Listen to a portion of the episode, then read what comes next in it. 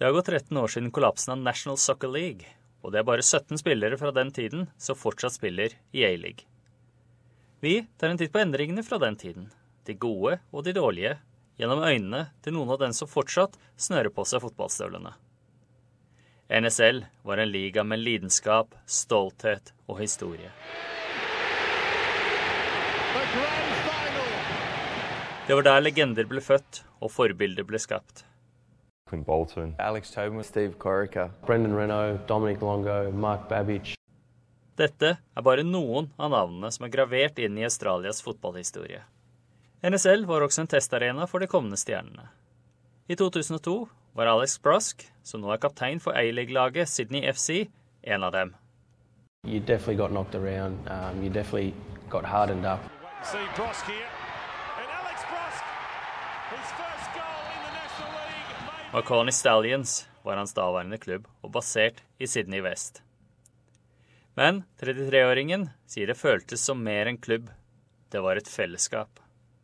It was driven more so back then based on you know where you were born. Um, you know, say Marconi was generally was, is an Italian club, so you had a lot of Italian supporters. Sydney United was a Croatian club. Sydney Olympic the Greeks. Disse identitetene var en kilde til styrke for klubbene i sin storhetstid på 80-tallet og tidlig 90-tallet. Faktisk så ble mange av klubbene grunnlagt av innvandrermiljøene.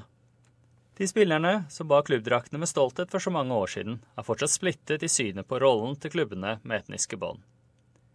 Brendan Santalab, som spiller i A-league med Western Sydney Wanderers, gjorde et navn for seg selv med Sydney United. Back then, it was it was really there was a lot of hatred happening. Uh, there was a lot of uh, crowd trouble.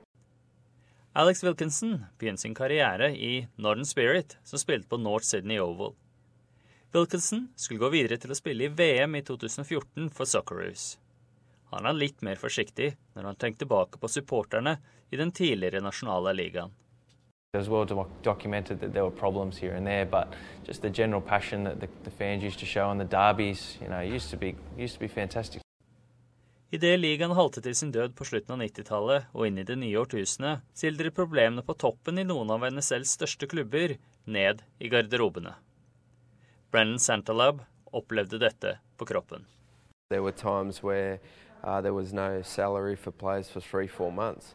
Um, was the club going to fold? Det gjorde også Alex Wilkinson.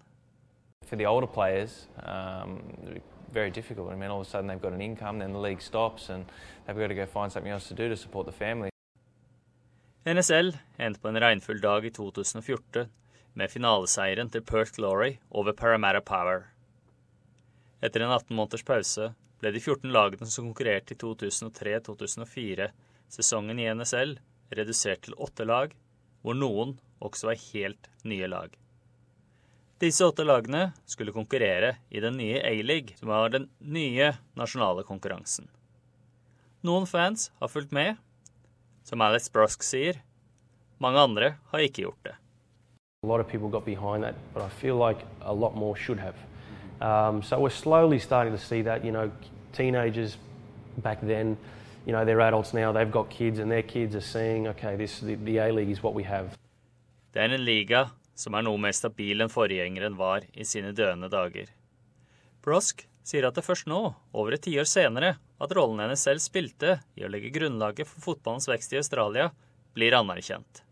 You can't forget it because it is a reason why we're here today and, and why the A League is what it is today. Without the NSL, you don't have that.